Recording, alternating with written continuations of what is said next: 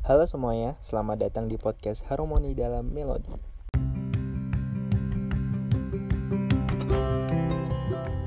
Halo semuanya, ya balik lagi ke podcast Harmoni dalam Melodi ya. Kita masuk ke topik yang ke-8 gitu. Kalau sebelumnya kita ngomong soal keuangan, nah ini kita ngomong soal bidang sekretaris yang mungkin sebagian orang atau hanya segelintir orang yang pernah memasuki bidang ini gitu karena emang biasanya personelnya itu cuma sedikit. Oke, okay, uh, eh, kamu pernah gak jadi bidang sekretaris di organisasi gitu?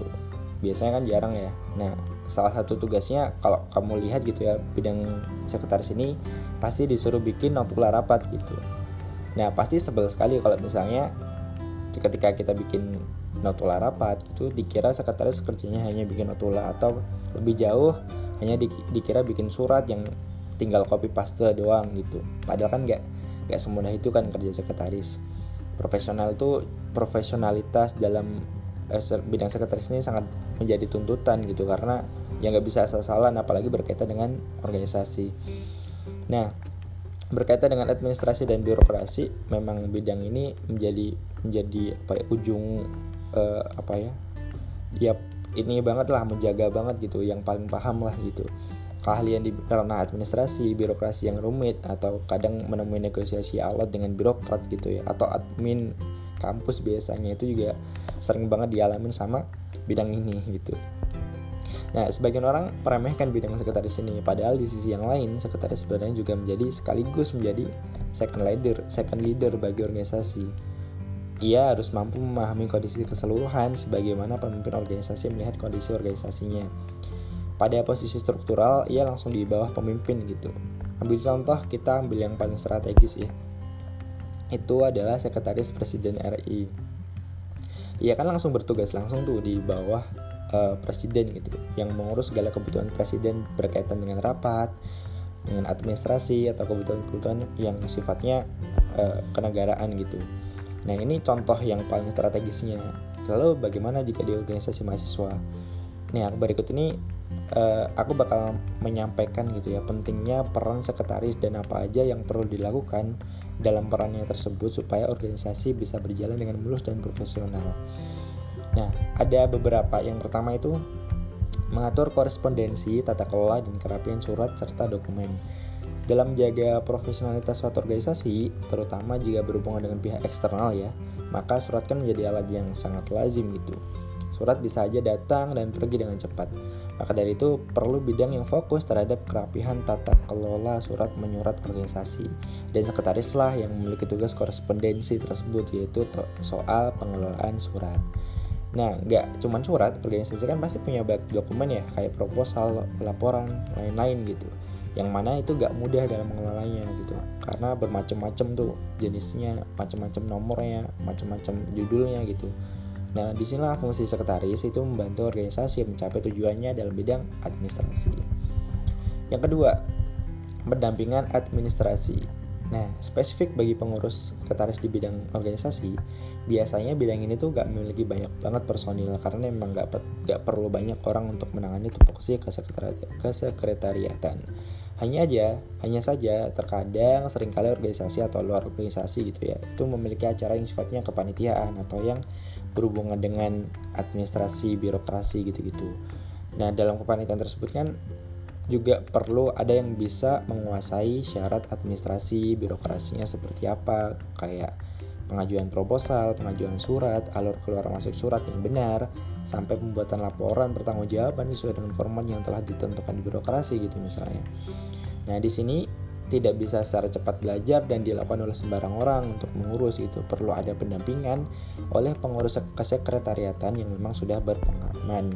Maka dari itu peran sekretaris di suatu organisasi terutama organisasi induk ya kayak BEM gitu itu bisa memberikan akses pendampingan dan konsultasi mengenai persoalan administrasi dan birokrasi gitu. Karena biasanya kalau BEM yang ngomongin BEM itu biasanya yang paling dipercaya sama uh, dekanat atau rektorat atau birokrat kampus gitu Ketiga, memanfaatkan teknologi untuk kesekretariatan yang efisien dan mudah diakses. Nah, gak bisa dipungkiri, teknologi di masa pandemi ini kan sangat memegang peran besar ya, tak terkecuali juga bagi dunia tata kelola organisasi atau kesekretariatan. banyak banget software tutorial di Google yang bisa dimanfaatkan untuk menunjang profesionalitas kesekretariatan di masa pandemi kan menyusun surat bikin nomor sertif dan segala macamnya itu kalau misalnya pakai teknologi itu bisa cepat dan dan efektif gitu.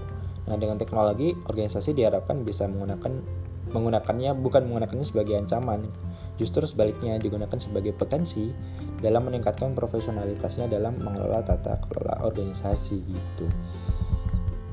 Kemudian yang keempat menjaga hubungan antar pengurus utama Nah, dalam organisasi, terutama organisasi mahasiswa ya, kan ada pengurus utama yang menjadi ring pertama tuh yang biasanya berisi kepala bidang atau middle leader gitu. Sekretaris selain fungsinya sebagai second leader gitu ya, bawahnya pemimpin langsung, kan ia juga punya ia juga punya peran untuk menjaga hubungan pengurus utama gitu dalam organisasi. Nah, ia harus bisa menguatkan keeratan tuh dari pengurus utama atau middle leader tersebut. Jika untuk menguatkan pengurus dan anggota secara keseluruhan kan ada bidangnya yang mengurus itu sendiri, misalnya bidang penguatan internal, internal gitu. Cuman untuk mengeratkan hubungan pengurus di ring pertama gitu ya itu perlu ada pengurus sendiri yang tidak lain tidak bukan adalah sekretaris gitu. Yang kelima, yang terakhirnya seperti yang udah disinggung di atas, kan pemimpin tuh butuh pendamping gitu untuk kemudian mewujudkan memuluskan gitu ya jalannya sebab jalannya di proses kepemimpinan dalam mengurus organisasi. Kalau ada wakil itu sebenarnya masih kurang karena tupoksinya sekretaris dengan wakil itu berbeda. Tupoksi sekretaris di sini itu lebih menemani yang sifatnya mengelola mengelola e, misalnya membantu ketua dalam mengelola pengurus utama, mengatur jadwal kegiatan organisasi, mengingatkan pemimpin soal jadwal-jadwal penting organisasi serta berkaitan dengan administrasi. Sedangkan fungsi wakil itu lebih kepada pengganti pemimpin kalau misalnya uh, ada rapat atau kunjungan atau apa gitu. Nah, itu ada wakil yang sebagai pengganti pemimpin representatif pemimpin gitu. Sedangkan sekretaris itu lebih kepada membersama yang yang beda lah tupoksinya gitu. Nah, itu itu simple ya. Nah, dari kelima fungsi utama sekretaris di atas itu kan bisa dipastikan gitu ternyata jadi sekretaris itu gak semudah yang dibayangin gitu. Perlu keahlian dan pengalaman khusus di bidangnya. Gak bisa sebarang orang juga bisa berada di bidang ini gitu. Dan yang jelas fungsinya itu nggak cuman bikin notula doang. Gitu itu tadi ada lima. Kita coba review dari pertama ya. Yang pertama adalah korespondensi. Korespondensi itu pengelolaan surat dokumen. Kedua pendampingan administrasi. Itu juga harus dilakuin ketiga memanfaatkan teknologi supaya pengelolaan kesekretariatan itu lebih efisien dan mudah diakses keempat menjaga hubungan antara pengurus utama karena fungsi sekretaris itu selain soal surat dokumen itu juga uh, menurut menurutku juga perlu gitu diletakkan tupoksi dalam mengurus keeratan hubungan pengurus utama. Yang kelima itu mendampingi pemimpin dalam hal administrasi, eh, mengingatkan, birokrasi dan segala macamnya.